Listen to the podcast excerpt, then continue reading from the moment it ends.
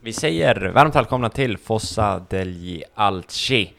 Det här är eh, januariavsnittet och den levereras, eller den, det levereras av eh, den gamla gode originalduon och ingen därtill. Det är jag, David Faxa, och det är du, Andreas Pertsson. Hur...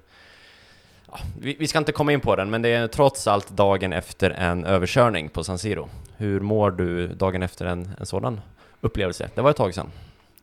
Det var det och man kan ju liksom fastna i det här med att det ska vara negativt, eh, vilket kanske är rätt egentligen. Men jag är inte så pass negativ ändå. Vi såg att Udinese tog poäng av Inter, vilket gör att det poängtappet, om man bara räknar mot Inter, var ju inte så stort. Det var bara en poäng. Eh, hade vi kryssat och inte vunnit, vilket kanske hade varit mer sannolikt, så hade de ju varit två poäng närmare oss istället för en poäng. Så att man kan ju vända på det så. Eh, sen har vi ju andra konkurrenter naturligtvis. Juventus har idag en stor möjlighet att komma i kapp och vi har ja, Atalanta till exempel som en konkurrent av Champions League. Mm. Men, äh, men ändå om vi möter Atalanta med fyra, utan fyra ordinarie startspelare. Vi, eh, majoriteten av de nyckelspelare, Mandzukic på väg in. Eh, Inter som sagt tappar poäng ser man det under lite större perspektiv. Vi har också ett, ett transferfönster som vi väl ska prata om i något annat avsnitt. Men, eh, men där tänkte jag att ja, men, vi måste göra det bra för att om inte Inter och Juventus lyckas då kommer de gasa i, i Mercaton. Men vem är det som har gjort det? Det är ju vi som har gjort det än så länge. Så att, eh, det finns ju, om man kollar, zoomar ut lite så finns det ju stora anledningar till att vara, till att vara glad egentligen. Vi är trots allt vintermästare. Och du har en eh, oxfond på spisen som bara står och bubblar och myser till sig. Exakt, det ska, det ska bli en riktigt fin ragu ikväll vad det lider. Eh, mer än så tänkte jag inte att vi skulle prata om eh, matcherna och kanske inte Mercaton heller. Du nämnde Mandzukic som vi pratade om sist och nu är han ju faktiskt klar och var nära att göra mål efter 15 sekunder mm. igår ungefär.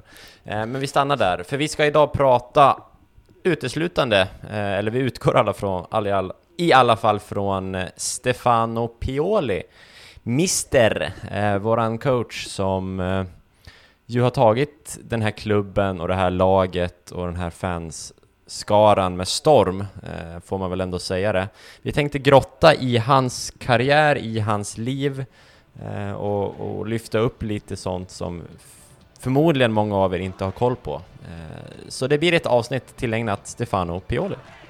Ja, det var väl lite det som var tanken från början med de här avsnitten, att vi skulle liksom gotta in oss i specifika ämnen. Så det har blivit mycket gäster. Så det här ska bli spännande. Och ja, vi har ändå hittat en del som jag inte kände till. Alltså om honom. Att han var hyfsat framgångsrik fotbollsspelare. Han, eh, eh hans favoritskådespelare är Sandra Bullock. Sådana grejer. ja, du ser. Och vem hans assisterande tränare är vill jag också skjuta in. Det är spännande. Så det finns anledningar att eh, gotta ner sig honom.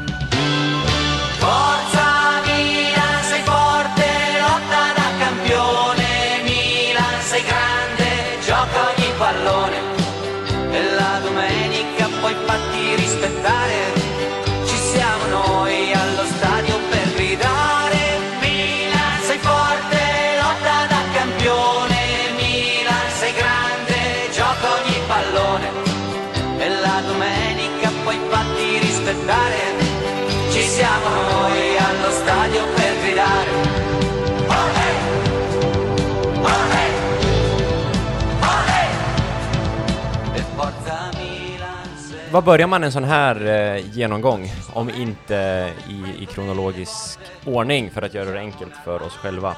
Eh, och jag, jag börjar med att slänga in faktan. Stefano Pioli, född 20 oktober 1965 i eh, skink och ostenstaden eh, Parma.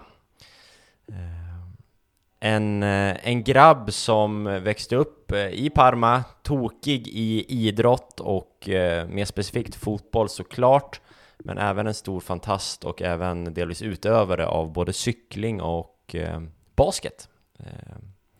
någonting som, som Pioli tog till sig och två intressen utöver fotbollen som han än idag har, gillar att, att konsumera och även cykla en del på sina semestrar.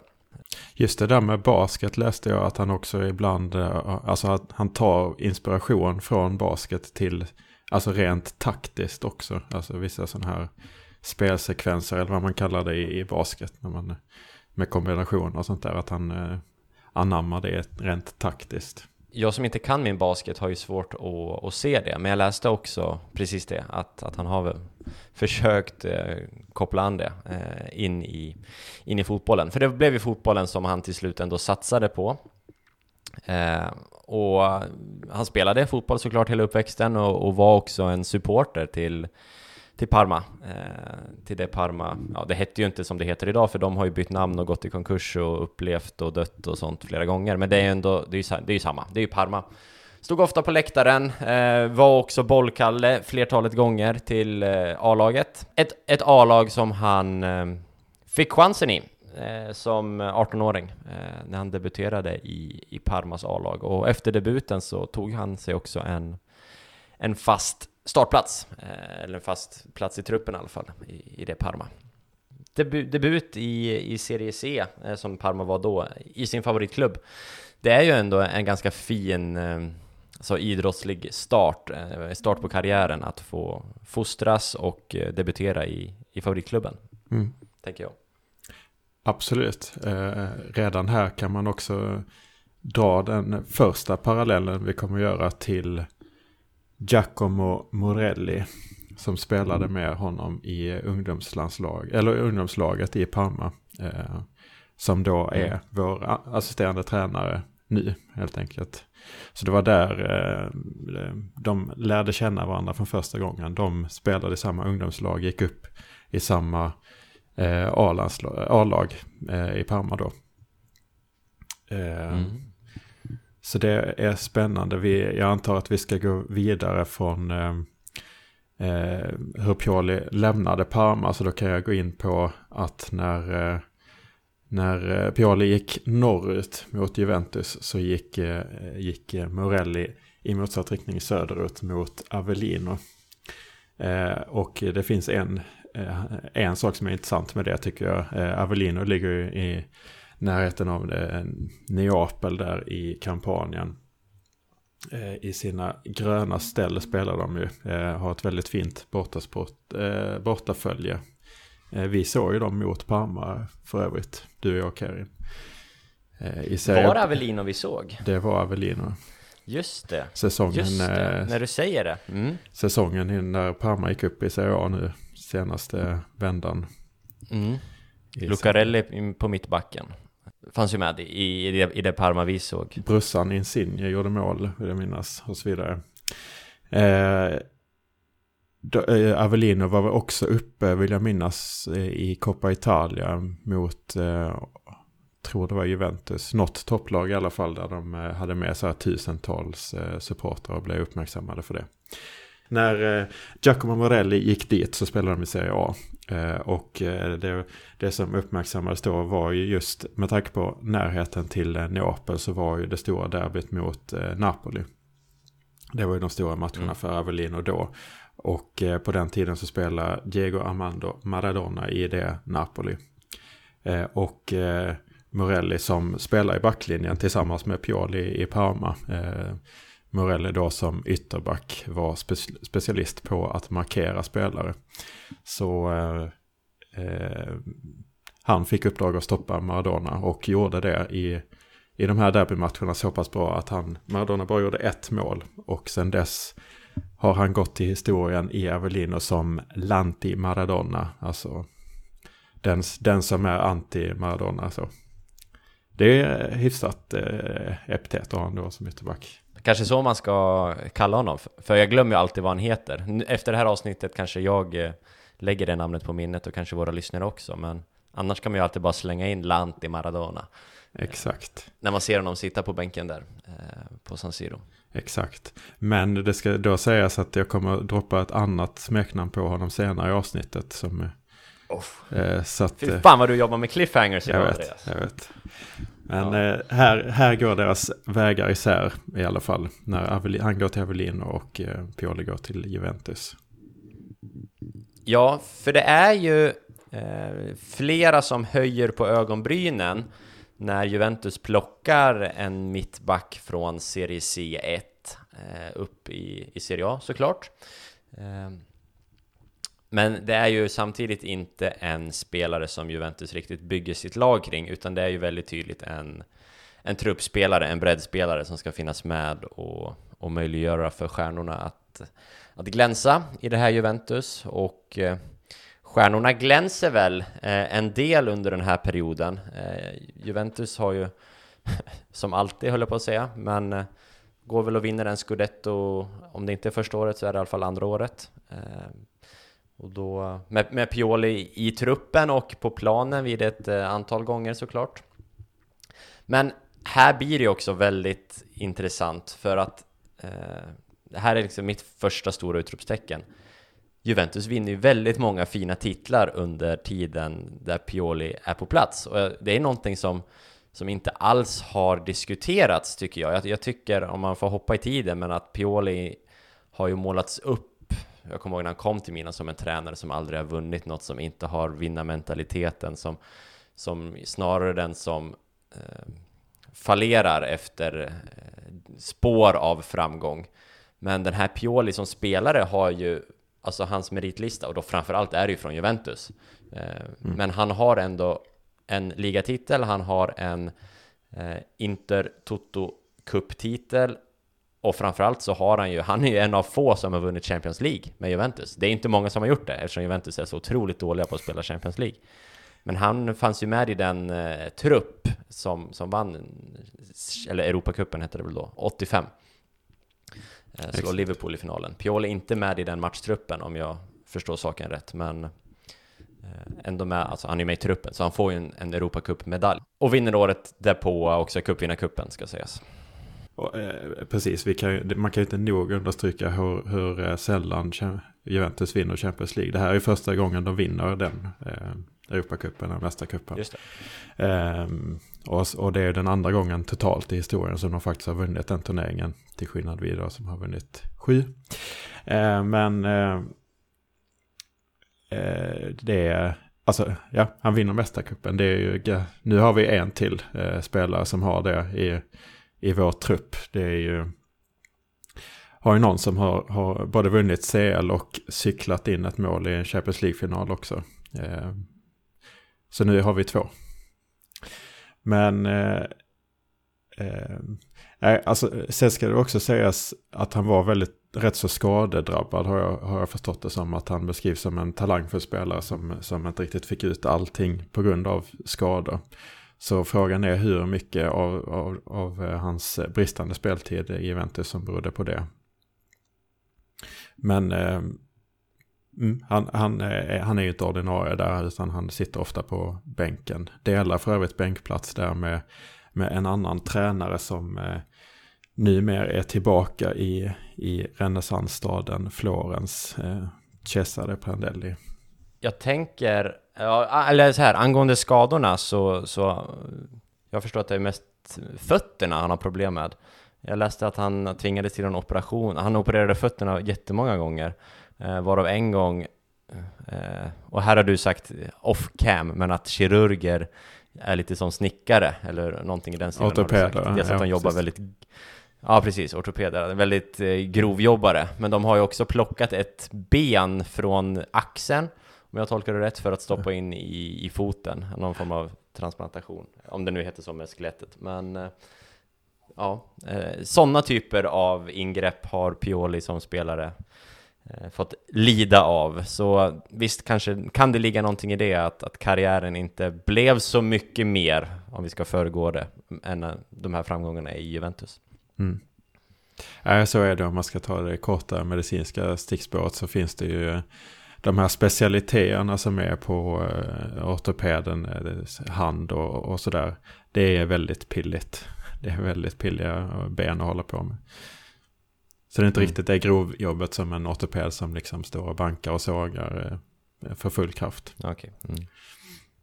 För det, det är det jag tänker här annars att eh, Kerim, som inte är med idag, vår tredje länk, Nej, har också problem med foten. Jag tänker att de kanske ska in och, och låna något ben från någon annan del av hans kropp för att stoppa in i hans fot.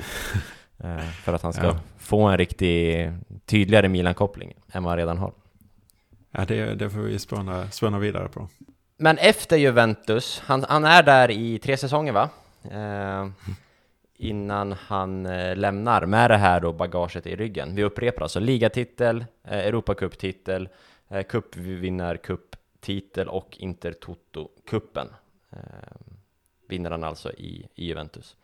Och därefter gick han till, eh, till Hellas Verona och landade kort därefter i, i Fiorentina. I Hellas, han har inte, han, det är inte så mycket mer framgångar eh, sportsligt efter eh, Juventus, som sagt. Han tar visserligen, han är med i ett Fiorentina som, som går till en Uefa Cup-final. Uefa Cup-finalen mot då just hans gamla klubb och eh, Fiorentinas bittra rival Juventus. Där är han inte med i finalen. Jag har varit inne och kollat i de här spelartrupperna. Han är med i... i eh, han är inte med i någon av de matcherna för det var ju dubbelmöte i finalen på den tiden då. Men han spelar i semifinalen och blir utbytt i den åttonde minuten tror jag. Eh, så att eh, om han inte var klappkass som, som back på den tiden så känns det som att det var en skada som eh, föranledde det bytet då. Eh, Ja sen, sen tar han ju upp laget till Serie A igen 1994. Så han vinner Serie B då om det räknas som en titel. Men eh, det gör det kanske inte. Frågar du Juventus så gör du ju det. De räknar allt. Men för oss räknas ju inte en eh, Serie B-vinst som en titel. Nej. Nej. Nej, men det finns en annan sak från hans karriär i Fiorentina som jag tycker är värt att eh, ta upp. Eh, och det är samma år, 1994, som de går upp i, i Serie A igen.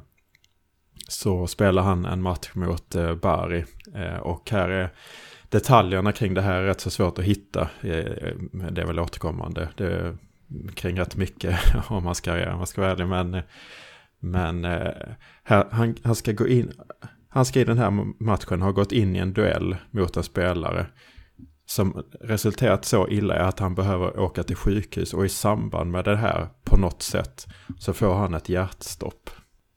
Ja, som sagt detaljerna är väldigt oklara men hjärtstillestånd liksom. Uppenbarligen så, så börjar hans hjärta slå igen. Han, han lever ju nu liksom. Så att, eh, Mm. eh, och han kan lämna sjukhuset efter några dagar så. Men eh, det är ju givetvis en, en traumatisk upplevelse för, för alla tänker jag. Men det, det blir ju verkligen extra speciellt eh, med tanke på att eh, 24 år senare i, i samma Fiorentina så i Piolis Fiorentina eh, så finns det en annan försvarsspelare som, eh, som drabbas av hjärtstopp då. Eh, David Astori då givetvis som vi väl ska prata mer om sen när det kommer till hans tränarkarriär. Men just att Pioli själv i sin spelarkarriär drabbades av ett hjärtstopp Mm. ger ju verkligen ytterligare en, en dimension i det som måste varit svårt för honom att hantera, tänker jag. Det ger ju en större förståelse tycker jag till, ja, nu ska jag inte föregå det, men vi kommer ju som sagt dit. Men det, det ger ju en- ett annat djup och en annan förståelse kring hur, hur Pioli faktiskt agerade och hans agerande som har hyllats så mycket i Fiorentina. Eh, För efter eh, spelarkarriären i Fiorentina och, och kanske, beroende på den här eh, händelsen, det Eh, finns som sagt inte supermycket detaljer i vad som påverkade vad, om det var foten eller om det var hjärtat eller om det var bristande kvalitet eller om det var en kombination, men eh, Fiorentina blir ju egentligen det sista större mm, klubben han representerar. Han harvar runt ganska mycket i, i diverse klubbar i centrala eh, Italien. Exakt, det är Padova, Pistoiese, Fiorenzuola och eh, Colorno. Där han avslutar karriären. Colorno i, i hans hemtrakter då och där spelar han också tillsammans med sin bror Leonardo Pioli. Eh, Men det, är ju så han, han avslutar karriären. Hinner du uppfatta någonting i din, eh, om man återvänder på planen någon gång tillsammans med eh, Lanti Maradona? Nej, det tror jag inte. Nej? Han är ju också där och, och, och traskar omkring. Det är mycket Emilia Romagna, alltså den regionen där, där eh, Parma ligger. eh, är väldigt stort fokus. Men, eh, men att, jag tror inte att de är där samtidigt. Så, ja, Europa League eller Europacupen-vinnare, Scudetto-vinnare, Intertoto-cupen-vinnare och Serie B-vinnare. Det är väl det som, som man minns i titelväg och sen minns man hans fotproblem och hans ja, hjärtstopp eh, mm. från de här aktiva åren. Det är väl det jag kommer ta med mig från det här. Och jag gillar också romantiken i att eh, få debutera eh, och, och, gå hela, res hela vägen, hela resan i sin favoritklubb. Från pojke till pojkspoling tänkte jag säga, men 18-åring i alla fall. Mm. Precis, det ska ju vara hans favoritklubb sägs det. Det finns ju andra rykten också som vi eh, också ska återkomma till sen. Ja. Eh, annars är det, det är väldigt svårt att hitta information om hans privata liv. Han verkar ju väldigt privat av sig. Annars är ju italienarna väldigt svaga eh, för just den biten. Men vi har, vi har, väl egentligen tagit upp det som går att hitta. Utan han träffades liksom sin fru Barbara när han gick i skolan. Och så har de hängt, på hela hängt ihop hela tiden. Och så pratar inte mycket mm. om eh, någonting annat. Eh, utan det, det, är det vi har sagt, upp, sagt liksom. Han, han gillar mat väldigt mycket men det är ju det är lätt att göra när man kommer just från den regionen med, med all ost och skinka som de har där. Serietidningar är han också ett stort fan av tydligen. Basket, cykling, serietidningar och mat. Eh, när vi rullar in, rullar in mot hans tränarkarriär så kan jag ju nämna hans eh, uppsats på Coverciano, tränarutbildningen. Den eh, eh skrev han då 2002. Det har ju blivit i ropet nu när till exempel Pirlo eh, blev klar så var det väldigt många som uppmärksammade att hans uppsats. Det är alla tränare som går igenom där skriver någon slags eh, eh, uppsats då. Eh, med eh, varierande kvalitet skulle jag vilja säga. Jag läste ju den här till, till något avsnitt för länge sedan. Så nu Men kan... om uppsatsen, det vi har, det kommer strax. Milan, Milan, Milan, Milan,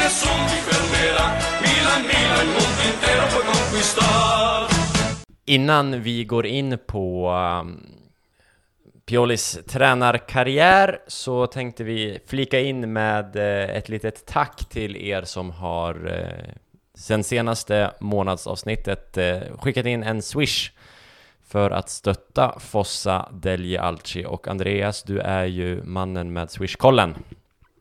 Så är det. Vilka ska vi rikta ett extra stort tack till idag? Vi ska göra det till eh, trogna lyssnare Oskar Fredriksson. Sen har vi även en trogen eh, eh, lyssnare också som har skänkt tidigare, Alexander Myrran, som jag är lite bekymrad över hur jag uttalar efternamnet med. Eh, och sen slutligen också till vår mecenat som skickar för tredje gången, Robert Melkersson. Så eh, stort tack till er.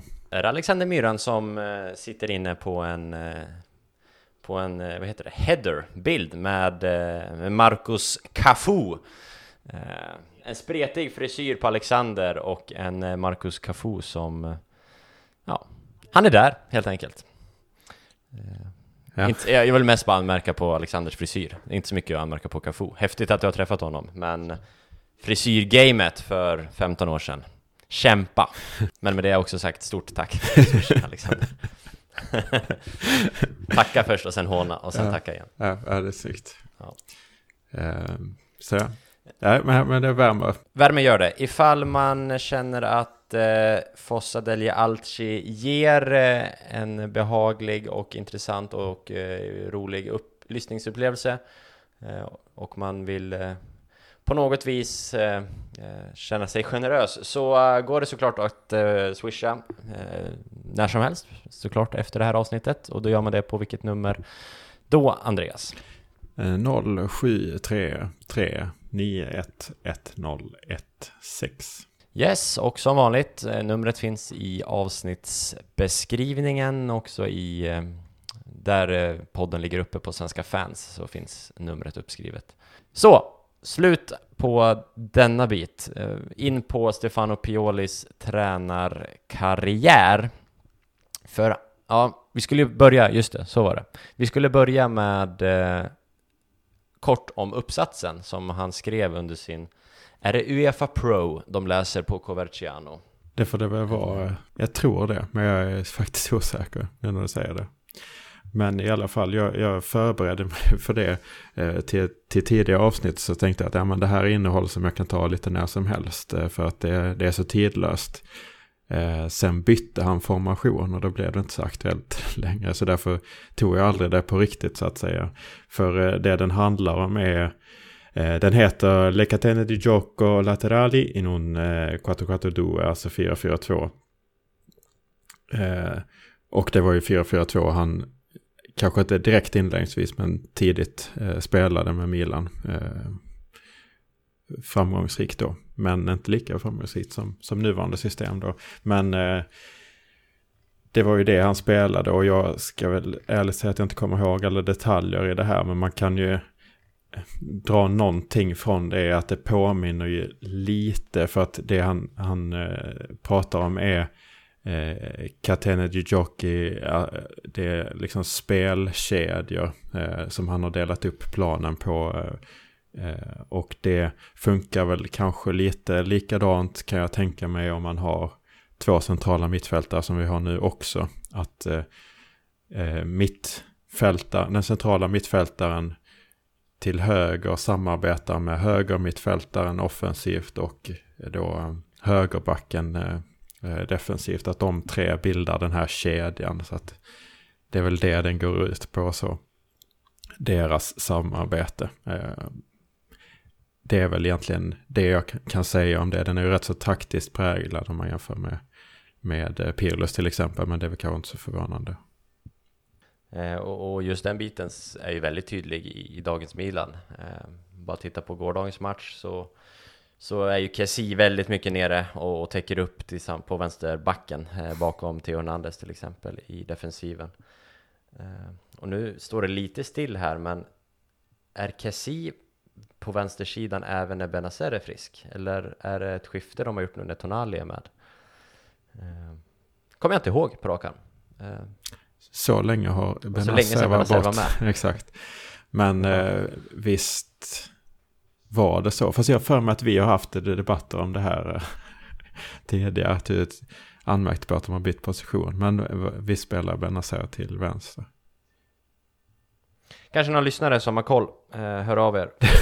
Nej, det, det är märkligt att man har glömt det, men så är det. Vi går vidare och går in på Piolis karriär. Direkt efter han avslutar sin aktiva karriär så är det inte många månader som dröjer innan han sätter sig på bänken eh, i Bolognas Alevi-lag, vilket väl är eh, laget innan Primavera, så när de är typ 15 till 17, 15 till 16, någonting i den stilen. Mm. Eh, och är i Bolognas eh, juniorlag. Det är möjligt att han även tar Primaveran en stund där. Jag får inte riktigt koll på det, men han är i Bolognas eh, system i tre säsonger. Så han eh, firar millennieskifte i blå-rött.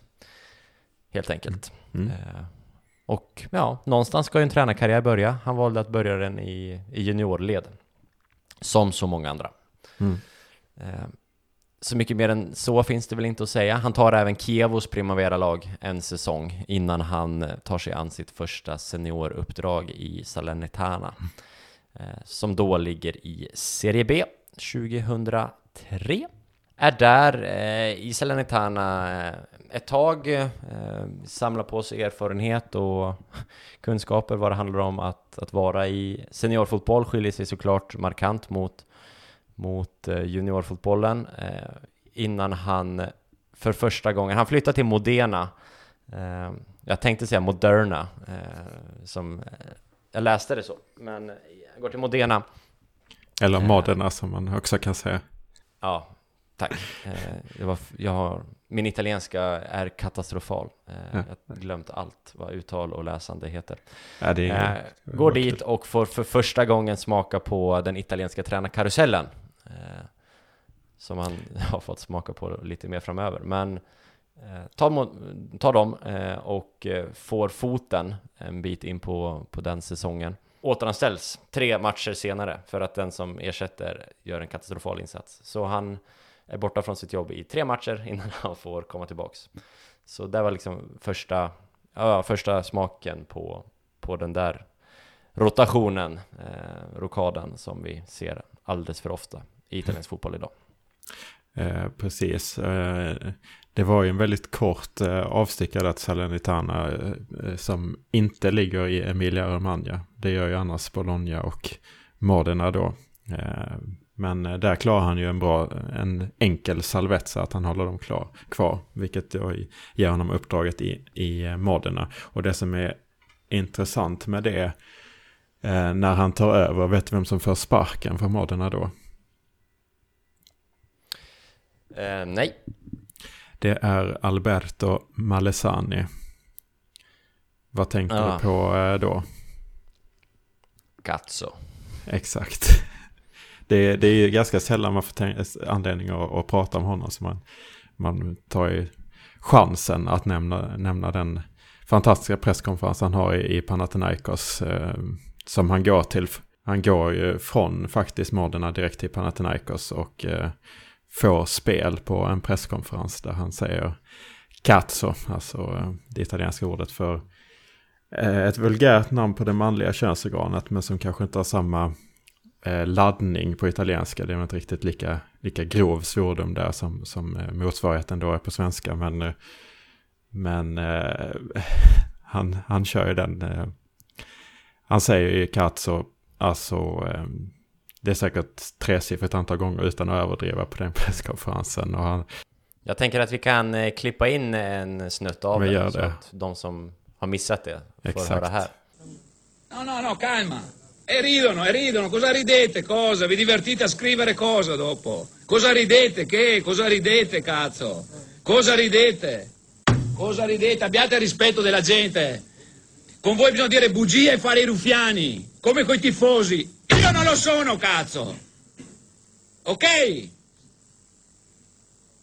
Io guardo tutti in faccia. Tutti, dal primo all'ultimo. Perché sono serio, cazzo. Vado a lavorare con serietà. No, no, parlo io adesso. Finita qua. Cazzo. Parole, parole di che, cazzo? Dopo quattro mesi che giochi a calcio, parole. Ma fatemi un piacere, dai, su, cazzo. Fatemi un piacere. È ora di finirla qua. State calmi tutti, cazzo. State calmi. Non ho mai visto una roba del genere. Qua si fanno le cose seriamente, cazzo. No, è meglio che... Eh, vabbè, lo stesso. Va, non pro... Don't worry that some, someone, some people understand that I said. No, don't worry. Bankar i bordet och, och, och, skriker upp och vevar och sen så skriker han State calme tutti cazzo. Alltså att alla andra ska vara lugna men det är liksom de bara skrattar åt honom. Det, det blir extra roligt för att ingen fattar vad han säger. Han har ju en, en, eh, en tolk som sitter där. Jag antar att hon är tolk som sitter bredvid och liksom antecknar febrilt allt han skriver. Men får, hon får ju liksom aldrig utrymme att, att förklara utan han bara, han bara kör. Eh, klassiska scener. Men i alla fall, det som är också intressant med att det är Malesani som ersätter är att Malesanis assisterande tränare heter i Modena Giacomo Morelli. Det såg jag. Eh, att, att Morelli hade jobbat med Malesani. Men jag gjorde inte den kopplingen. Nej. Vilket kanske var trögtänkt. Men eh, ja. Så eh, när eh, Malesani lämnar så stannar hans assisterande tränare kvar och jobbar med Pioli då.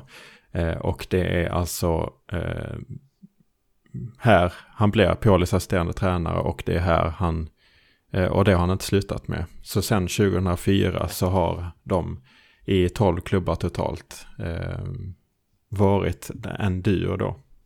Om jag räknar rätt på klubbnamnen. Men eh, säg 2004. Den är otrolig, alltså det partnerskapet. Eh, jag, jag kommer inte på någon på rak arm som har jobbat lika tätt och lika, i många, lika många klubbar. Och då att de har den här långa, det här långa bandet ända sedan ungdomsakademin som spelare i samma lag. Så att de hänger ju verkligen i, mm. ihop. Eh, och, och eh, det här har ju gett honom ett nytt då etablerat smeknamn. Eh, och, eh, och då pratar jag om den assisterande tränaren då med Morelli. Han, och det, det beror ju på dels hans följsamhet att han har hängt med Pioli så pass länge men också hans eh, oerhört eh, eh, vad ska man säga, påträngande uteseendemässiga likheterna de har. Alltså det, det, det, har ju blivit väldigt framträdande i Milan. Sen har de ju, de klär sig alltid exakt likadant också. De har väldigt likadan stil så att de ser ju, ser ut som kloner. Mer eller mindre. Så därför har han fått eh, smeknamnet Minimi. Alltså ah. en referens till Austin Powers tänker jag. Nej men de, var, jag kollar på gamla bilder, vi kan lägga upp dem också på, på Twitter kanske, att eh, de har inte alltid varit så lika. Jag såg bilder från Palermo till exempel, där eh, är de inte alls lika, men de har liksom, ja, de blir mer och mer lika för varje säsong. De, ja, blir samma person till slut kanske. 2006 så är han eh, tillbaks där allting började, tillbaks i Parma. Och eh, den här gången så är Parma uppe i Serie A, eh, så han gör ju också sin Serie A-debut som tränare i, eh, på Parmas bänk. Det är en, en ganska stark Parma-upplaga. Jag kollade snabbt på truppen. Eh, Fernando Coto sticker såklart ut som, som det stora utropstecknet, den stora ledaren i det där Parma. Eh, I truppen finns också en sån som Luca Cigarini som fortsatt spelar i Serie A. Eh, och i truppen finns också Zlatan nu kanske ni som lyssnar, vadå? Rycker, lyfter på ögonbrynen likt Andreas precis gjorde här i vårt eh, Skype-samtal. Men det är ju såklart inte Zlatan Ibrahimovic, utan vi pratar ju om eh, Zlatan Muslimovic. Eh, den, eh, han är väl göteborgare, men representerade Kosovo va, på landslags... I landslagssammanhang. Eh, var ju otroligt mycket snack om Zlatan Muslimovic i Sverige kring där 04, 05, 06, 07. Eh, sen försvann han ganska rejält. Men han var i det Parma som Pioli tog över 2006. Mm. Eh, gick ju inte superbra i Parma, utan fick sparken och, och ersattes av eh, Claudio Ranieri. Det, det, var väl inget, ingen succé precis, men han fick ju spela lite Europa-fotboll, eller träna Europa-fotboll. Men det är ingen framgångsrik eh, session precis. Så han kände väl att han behövde, han var inte klar med gavettan som det kallas, eh, alltså resan i de lägre divisionerna. Så han gick ju ner igen i Serie B. Eh, tog över Grossetto, eh, ett lag som inte jag hade hört talas om innan den här researchen påbörjades. Jag vet inte vad de håller till nu, eh, men han tog över dem eh, och lyckades med, eh, med nöd och näppe klara eh, kontraktet i Serie B då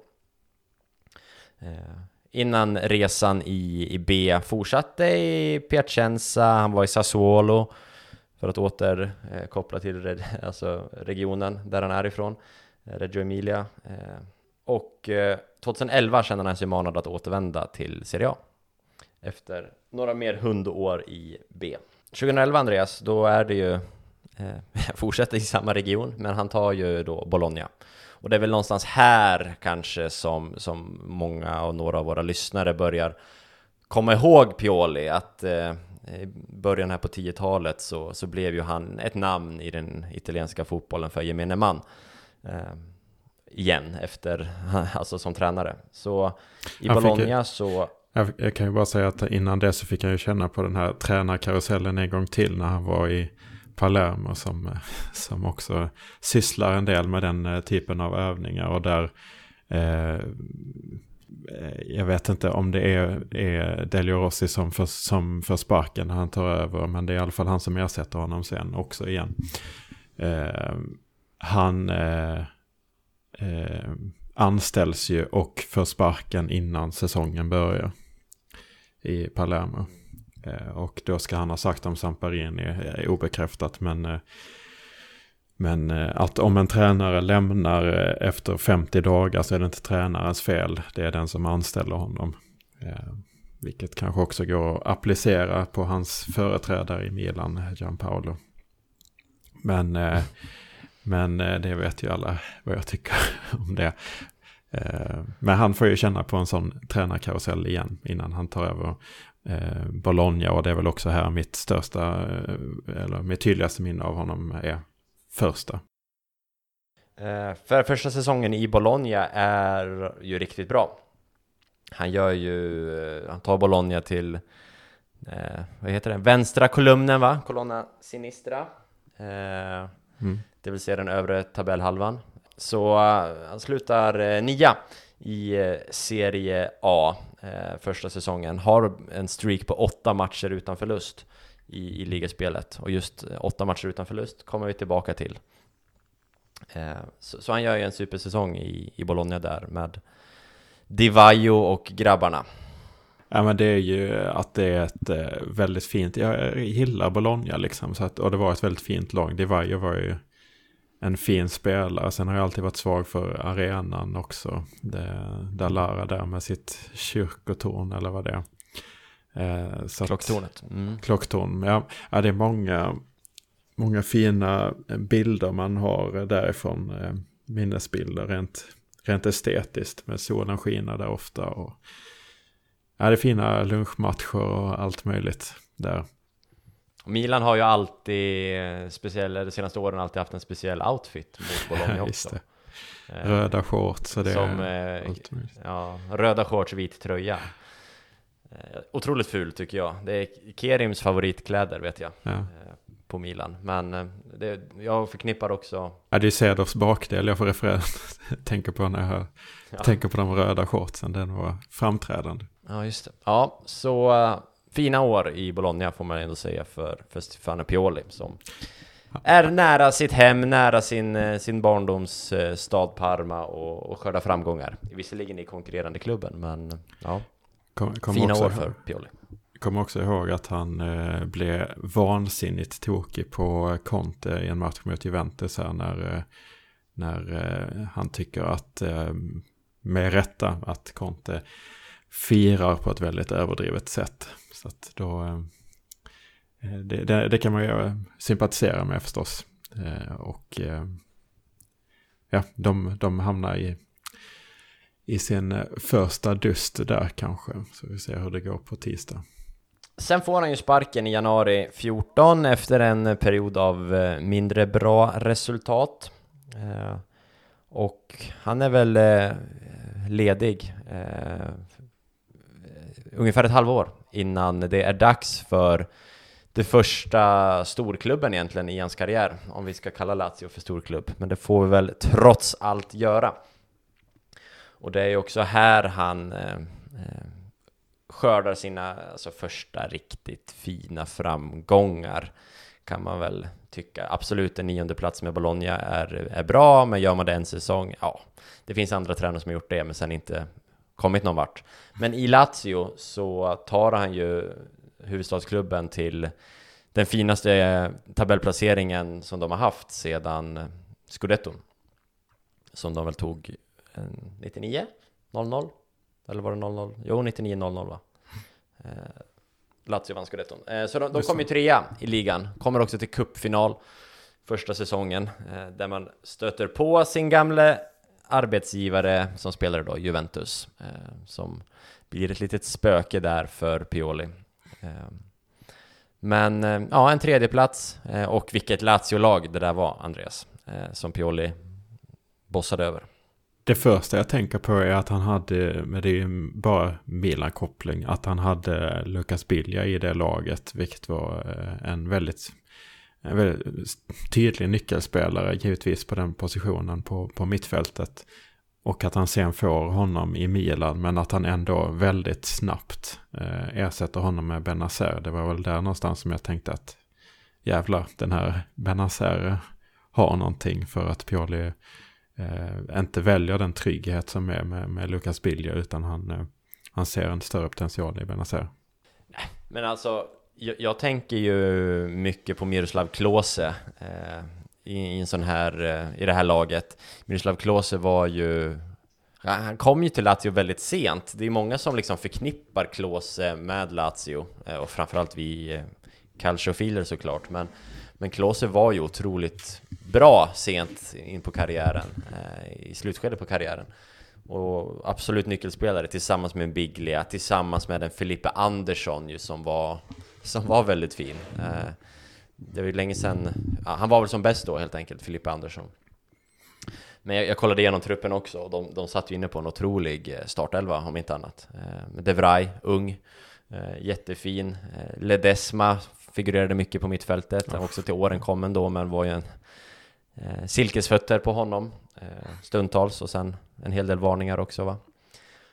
Mm. En yngre Parolo, en, en Rado som stormade upp och ner på vänsterbacken. Det orkar han, han ju inte riktigt göra längre. Eh, Keita Balde, eh, också ung tupp. Eh, så, så det är flera yngre spelare som Pioli verkligen förädlade och det är också någonting vi ser i Milan idag, att han är bra på att handskas med de här yngre eh, spelarna. Eh, jag ser ju väldigt många likheter med den här unga Keita, eh, med den Rafaleao exempelvis. Eh, dylik position, dylik spelstil. Klose Zlatan-parallellen kan man såklart dra också, en, en äldre mästare högst upp på topp. Och så vidare, och så vidare. Nej, men det är ett fint lag, eh, helt klart. Sen går det ju tyvärr inte så bra i efterföljande säsonger. De ryker ju ur Champions League-kvalet direkt eh, mot eh, Leverkusen. Och eh, får väl foten efter ett rumderby. Milan, Milan, corre va, più nessun ti fermerà. Milan, Milan, il mondo intero puoi conquistar. Och sen är han ju arbetslös eh, fram tills att Inter ganska förvånande ändå plockar honom. Eller för- förvånande är det inte att inte plockar honom för de behöver en tränare, men hela den Intersäsongen var ju en stor förvåning och ett stort frågetecken. Ja. Han ersätter ju De Boer i, i, i Inter. Bara det säger rätt mycket tycker jag. En De Boer som ju ersätter Mancini som säger upp sig typ två dagar innan säsongen börjar också. Eh, den är stökig. Så ja, han, han tar ju över efter De Boer i november, så han får ju inte många matcher heller, eh, holländaren. Eh, och eh, i inte spelar Europa League, inte gör sitt eh, sämsta resultat i en Uefa-turnering någonsin den säsongen med eh, ja, De Boer och Pioli då. Eh, får ihop, om det var fyra eller möjligtvis sex poäng i, i gruppspelet och åker ut med huvudet först. Men han, han lyfter ju sig, eller han lyfter ju inte i ligan efter att han tar över De Boer. Och här kommer vi tillbaks. De hade också åtta matcher. Jag tror till och med de hade åtta raka vinster. Eh, vi hade åtta raka matcher utan förlust i Bologna. I Inter har han åtta raka vinster. Och han drar ju upp det här Inter från botten egentligen upp till eh, fjärdeplatsen och, och häng på Champions League så. Eh, Men under våren så dalar det ju rejält för Pioli. Eh, Och han hinner ju inte ens avsluta säsongen i Inter innan han får sparken igen. I maj 17. Mm. Och inte slutar den här säsongen som sjua faktiskt, bakom Milan. Och det var väl senast Milan hamnade före Inter i tabellen. Perioderna du beskriver av åtta matcher som, eh, som har fått eh, eh, gett honom bilden av det här att han är en, eh, en tränare som utnyttjar ett momentum och, och får upp en, en väldigt bra... Eh, att, att laget ser väldigt bra ut under en viss begränsad tid men att den inte håller i sig tillräckligt länge för att han skulle vara en, en tillräckligt bra tränare. Men eh, den bilden har ju vi fått revidera. Ja, det var ju precis från Lazio och från Inter, eh, skulle jag väl säga, att den bilden kommer ifrån. Men inte gick som det gick och, och det är vi ju inte så ledsna över såklart. Vi minns istället tillbaks med glädje. Men eh, säsongen efter att han får foten där, han får ju foten maj 17, så sommaren, samma sommar där, så kliver han ju in i Florens och i Fiorentina. Eh, och här har jag två minnen. Eh, det första vill jag ha ett, ett positivt minne. Eh, Och vi pratade klädstil och sånt. Jag minns ju så tydligt eh, Stefano Piolis lila glansiga väst som han rockade i, i Fiorentina. Och jag vill också minnas att även Morelli klädde sig likadant på den här tiden.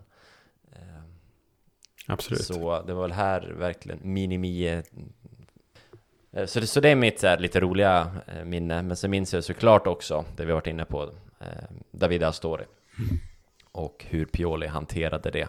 För jag har inte så mycket, jag tänker, in, jag tänker inte att vi ska grotta så mycket i det sportsliga här i hans tid i Fiorentina.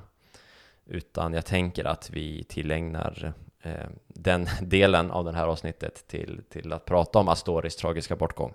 Mm. Eh, och bara jättekort eh, recap så, så var det ju eh, David Astori, eh, 31 år, han hann fylla, var lagkapten för eh, Piolis eh, Fiorentina eh, och eh, avled ju i sömnen på ett hotellrum i Florens va? Nej, det är en borta, bortamatch mot eh, Udinese. Är det. Just det, så var det. Så det är på, eh, på ett hotell på, eh, inför en bortamatch då. Där, eh, Eh, och jag har läst ett, eller jag läste så här Jag kommer ihåg, jag jobbar ju då på med Solo Calcio och det var en jättestor händelse och man bearbetade och läste jättemycket då eh, Så jag hade liksom så här minnen av citat och sånt Men jag hittade ganska intressanta citat från den dagen, från Pioli Som jag tänkte jag nästan ska citera honom mm. om det är okej. Eh, Eh, där Pioli i efterhand då, och inte direkt efter, men med, liksom, med lite distans till det, har, har berättat och minns tillbaks eh, till den här morgonen då, när eh, Astor inte dyker upp.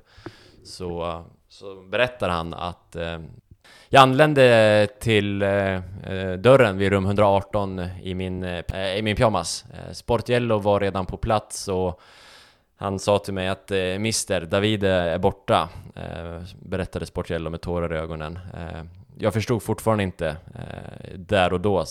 Men eh, sen öppnades dörren, jag såg eh, lagledaren Mang Maragon och jag såg eh, läkaren Luca Peng eh, sitta inne i rummet och eh, gråta och jag såg även Astori ligga i sin säng. Eh, det såg ut som att han sov men det visade sig att han inte gjorde det. Eh, det var efter det så var det den svåraste stunden att eh, behöva gå till de övriga rummen, till de övriga spelarna för att knacka på och eh, berätta för alla vad som faktiskt hade hänt.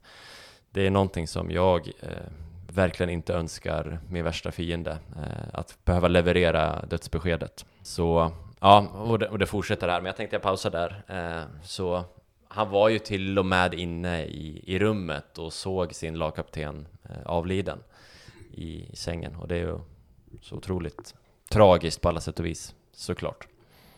Mm. Eh, matchen ställdes ju in, såklart, eh, och hela, hela Serie A ställdes väl in. Eh, Ja. En hel omgång. Eh, och eh, nästa citat, och det fortsätter egentligen på när träningen, de ska ha sin första träningen, Fiorentina, som är på tisdagen. Det var ju såklart på helgen, så på tisdagen så ska de ha samlas igen på, på träningsanläggningen och ha sin första träning. Så jag vet inte om jag ska fortsätta läsa hans citat här, eller om du vill flika in någonting. Eh, nej, jag, jag kan prata vad som händer rent medicinskt. Jo, men absolut. Eh, det var ju lite oklarheter för oss vad som hände med eh, Pioli, men det har ju uppdagats sen att, eh, att eh, David Astori led av ett eh, medfött hjärtfel. Att hjärtat slår ju på, på grund av att en elektrisk puls går igenom det. Det man ser på filmer och ett EKG, liksom när den tar sig igenom hjärtmuskulaturen och får den att dra ihop sig, kontrahera och på så vis pumpa ut blod i, i kroppen. Då. Men han hade ett, ett medfött hjärtfel i, Eh, eh, alltså det var en mutation i, i, i ehm, de proteiner som, som finns i, i hjärtmuskeln, vilket gör att den här elektriska signalen skickas inte vidare på rätt sätt. Eh, tyvärr så upptäcker man eh, väldigt sällan det eh, innan det har resulterat i att en, en ung person i, i den här åldern, eh, ofta män, eh, dör plötsligt för att hjärtat slutar slå. Eh, det var ju en väldigt stor tragedi förstås. Han var ju väldigt omtyckt av alla. Eh, och eh, lämnade väl också fru och ett nyfött barn efter sig vill jag minnas också. Han, han säger i efterhand här Pioli att det som hände med Astori var en, en chock. Att eh, inför den här säsongen så förlitade han sig väldigt mycket på, på Milan Badelj, mittfältaren, och på David Astori eh, i omklädningsrummet. Men efter hans död så fick han omvärdera sin syn egentligen på tränarskapet och sin syn på fotboll. Så istället så tog jag till mig spelarna på ett personligt plan mycket, mycket mer. Alla spelare inte bara nyckelspelarna. Eh, och det som hände där och då förändrade våran grupp. Eh, vi brydde oss mycket mer om varandra och vi fortsatte att spela för Astori. Ehm, har Pioli sagt och sen tänkte jag att jag skulle fördjupa mig i, i lite djupare eh, i det. För att första träningen egentligen efter allt det här har skett så, så berättar Pioli att eh, eh, första träningen efter så, så, säger han så här om den eh, att eh, förändringen att behöva träna utan Davide eh, på den här eftermiddagen eh, skapade tomhet hos oss alla i Fiorentina. Vi började träningen med att samlas i grupp och prata. Eh, jag pratade en del och sen frågade jag truppen vem som skulle vilja säga någonting. Alla som öppnade munnen där och då sa att vi vill fortsätta den här säsongen med värderingarna som Davide stod för och vi vill göra den här säsongen för honom. Vi vill göra det med stolthet och beundran för, eh, för Astori.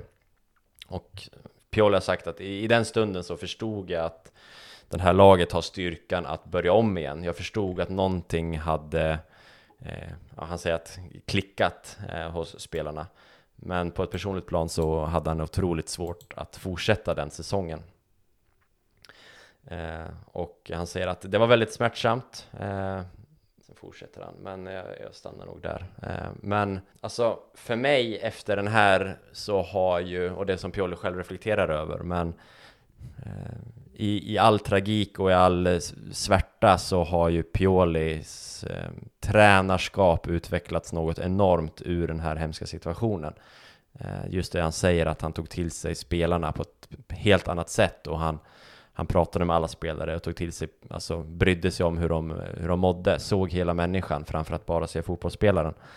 Ehm, att det är någonting, jag, i mitt jobb, jag jobbar med idrott och idrottsutveckling och föreningsutveckling, vi pratar väldigt mycket om att ledare hela tiden ska se barnen då, ungdomarna för, som i sin helhet och inte se dem som fotbollsspelare eller som innebandyspelare eller som ryttare, utan man ska se människan som gillar att spela fotboll. Eh, på elitidrott, eller i elitidrott, så är ju det inte så vanligt, utan det är väldigt ofta produkter eh, och det är en otrolig resultatstyrning. Man ska ta vissa resultat. Eh, och går det inte som man ska så får man foten och, och, spelarna är bara produkter egentligen för att nå uppsatta mål. Men efter det här så tycker jag att Astoris, eller att, att Piolis utveckling ja, som, som tränare var markant. Och eh, jag tror också det är en, en stor anledning till att han är så populär i Milan idag. Och även när den dagen han lämnar Milan och tar en ny klubb så, så kommer han ta sig till alla nya spelare på ett personligt plan också. Och det är väl det som kommer bli hans kanske största styrka som tränare. Och inte de här eh, kedjorna som vi pratar om i taktiken eller förmågan att skapa momentum och behålla det utan hans största kunskap och, och förmåga som tränare är att bygga en grupp egentligen, att bygga ett lag, att bygga eh, kärlek och vänskap, eh, vänskapsband. Mm. Nej men verkligen det. Han är ju naturligtvis väldigt märkt av eh, David Ostoria det som, och det som hände. Inte bara genom att han har eh, tydligen en tatuering av Astori. Men eh, det är så här, för mig kan man nästan ta bort resultat. Nej, det ska jag inte säga att resultaten är sekundära, men eh, för mig ger det väldigt mycket glädje att det är en sån typ av tränare som Milan har. Att det är den typen av grupp Milan har. Att, eh, att, eh, ja, men att man spelar som ett lag, det ger mig väldigt mycket. Det kan jag komma ihåg även tidigare sessioner under, även när det gick väldigt dåligt. Eh, som inte var alls på den här nivån tycker jag, men, men lika bra grupp. Men den typen av insatser, typ så här Milan mot Barcelona när vi slår dem med 2-0 i Champions League. När vi absolut inte har laget till det, men där, där vi har liksom en, en väldigt, det är en väldigt fin laginsats. Den typen av matcher är, är de som jag minns och tar till mig mest tror jag. Eh, och, och också tydligt tycker jag att det är väldigt svårt att välja en favoritspelare i det här laget. Eh, för att det är, det är så himla mycket ett lag och det är det det, det handlar om. Jag, jag tycker att det är väldigt fantastiskt. Och jag har ju klankat ner eh, mycket på både Conte och Spalletti till exempel. Eh, jag tycker inte att den typen av tränare ska träna Milan. Mourinho är likadan, en sån spelare, alltså med den typen av inställning man har. Det här är ju värdigt en, en mer anrik klubb, tycker jag, på ett helt annat sätt. Det är alltid så intressant att lyssna på vad han har att säga och det är väldigt kul att se på vad det får på, för uh, uttryck på plan. Jag har verkligen tagit till mig Pioli eh, och hoppas att, att han får fortsätta i det här Milan länge till. För att när han väl kom så var det ju eh, många som inte ville ha honom där alls. Mm. Vi, vi kan ju minnas tillbaks till hashtag PioliOut. Precis, eh, och det var ju det här som jag eh, bollade upp lite tidigare avsnittet gällande hans sympatier. De ska ju ha varit i, i Parma, men det var ju också så att hela hans eh, familj är Intersupportrar. Eh, och han pratade om det när han gick till Inter. Att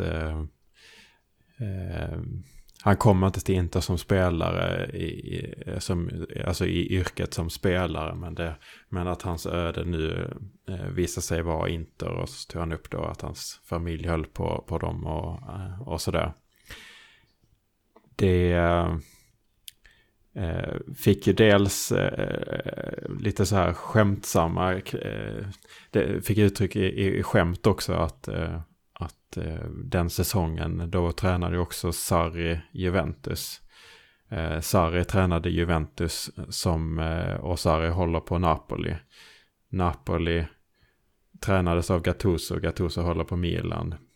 Pioli eh, tränar in, eh, Milan, håller på Inter och i Inter så fanns Conte som håller på Juventus då, vilket slöt den här cirkeln av att de här toppkonkurrenterna hade tränare som, som hade sympatier för ett annat lag i den här då. Eh, mm. Ja cirkeln. Men eh, det gjorde ju tillsammans med att man, precis som vi förknippade honom med att ja, men han, hur framgångsrik var han? Eh, han har fått de här sjoken av, av bra prestationer och sådär. Eh, tillsammans då, jag tror det är mycket förknippades med att han var så förknippad med Inter. Eh, man var väl ärrad efter Mihailovic tänker jag. Eh, att ha en Inter-profil ja. på, eh, på tränarbänken kanske. Men eh, mm, alltså nu när vi dissekerar hans karriär så tycker jag att det är svårt att, äh, att det var orättvis kritik mot honom rent vad han har uträttat sportsligt. Men likväl så är det ju så att man ska konstatera att när han redan innan han tillsattes så, så var ju Pioli out en hashtag som trendade i Italien. Så att det var ju tydligt att, att eh, det var många som inte ville ta till sig honom redan innan han fått chansen. Sen så, sen så eh, med de ingångsvärdena så började han ju också i, med matcher, jag kommer inte ihåg eh, eh exakt vilka det var, men det var ju fyra stentuffa matcher väldigt tidigt där med Juventus, Napoli och, och något av rumlagen tror jag. Eh, så rent sportsligt så var, var det en uppförsbacke också. Det är väl också en, en anledning till att jag tror att det inte tog fart riktigt direkt eh, rent resultatmässigt. För eh, det var ett väldigt tufft spelschema. Vi, han inledde Milan med Lecce, Roma, Spal, Lazio, Juventus, Napoli. Mm. Just det, så det var ju någon, något eh, enklare lag. Sen blev det bara kryss väl mot Lecce. Så, eh, och då, då var det kämpe, kämpigt med de andra matcherna som var kvar där. Det var väl Hakans monstermatch på San Siro. Och sen dess har ju Hakan kanske varit den bästa spelaren under Pioli. Mm, ja, det såg mm. vi om inte annat igår. Det är få spelare som har... Ja, det var en jättedålig match och han saknades. Vi har saknat många andra. Det kanske är tillfällighet, men eh, jag tror att vi saknar honom väldigt mycket igår. Och frågetecken för Piolis val att ersätta honom med Meite som mm. eh, gjorde ingen eh, glad igår. Eh, Nej, eh, ska vi lägga locket på där? Eh, det var Piolis karriär från Parma till Milan idag. Eh, vi får se hur länge han blir kvar. Han har eh, ett kontrakt som sträcker sig till 2022 va? Förlängde ju här i somras efter många om och ännu flera. Men eh, tror du han kan vara en coach? Säg att han, han, han tar oss till en riktigt bra position i år oavsett om det blir etta, tvåa, trea eller fyra, eh, tar oss till, till Champions. Eh, tror du han kan sitta länge? på Milans tränarbänk? Jag eh, tror inte att det är knutet till hans förmåga utan det är väl mer så hur eh, fotbollen ser ut. Jag är lite eh, allergisk mot det som många har en bild av att ja, men det finns inte några eh, Sir Alec Ferguson i dagens fotboll för att det, det funkar inte. Jag eh, tror absolut att det kan funka. Jag tror mer bara att det inte är att tålamodet finns. Men det betyder inte att om man väl har tålamod att det inte skulle ge resultat. Det, det tror jag verkligen på. Det, det, tror jag om spelare och det tror jag om tränare också. Eh, så att eh, det... Eh, jag kan ju hoppas det. Jag tycker att Diego Simeone är ett bra exempel. Liksom, han får rätt mycket skit någon gång då och då. Sen så hyllas han att att han ändå lyckas ta tillbaks laget. Men de, han konkurrerar ju mot, mot de två största klubbarna i världen, eller två av de absolut största. Eh, så att eh, det, det finns ju verkligen eh, fördelar tror jag med att ha någon länge. Och jag hade verkligen inte ha något eh, emot att ha någon som kan skapa en sån eh, gruppsammanhållning och ett sånt, eh, en sån lagkänsla som Pioli kan. Och som beter sig så värdigt utanför plan också. Likheter med Ancelotti finns. Absolut. Tycker jag. Eh, vad bra! Eh, tack för att ni har lyssnat på det här avsnittet, januariavsnittet av eh, Fossa del Alci. Har ni tips, önskemål på vad vi ska grotta ner oss i de här typerna av avsnitten? Eh, här fick ni ju ett ett axplock, en försmak av vad vi har tänkt kring sådana här typer av avsnitt. Så har ni något förslag på ämne, hör av er till oss så ska vi se vad vi kan göra. Eh, och har ni något annat eh, ni tänker på eller vill ni se lite bilder? Det finns ju lite bilder på en ung Pioli, eh, en väldigt rolig bild, man känner inte riktigt igen honom i Juventus-tröjan. Kanske en tillsammans med honom och eh, Minimi i lite olika former. Eh, och sen kanske Malesani Katso-intervjun, eller presskonferensen kan komma upp på Twitter också. Så det finns mycket guld och gött att ta del av där. Eh, men annars säger jag tack för den här veckan och eh, adjö. Mm, tack. Adjöken, ciao.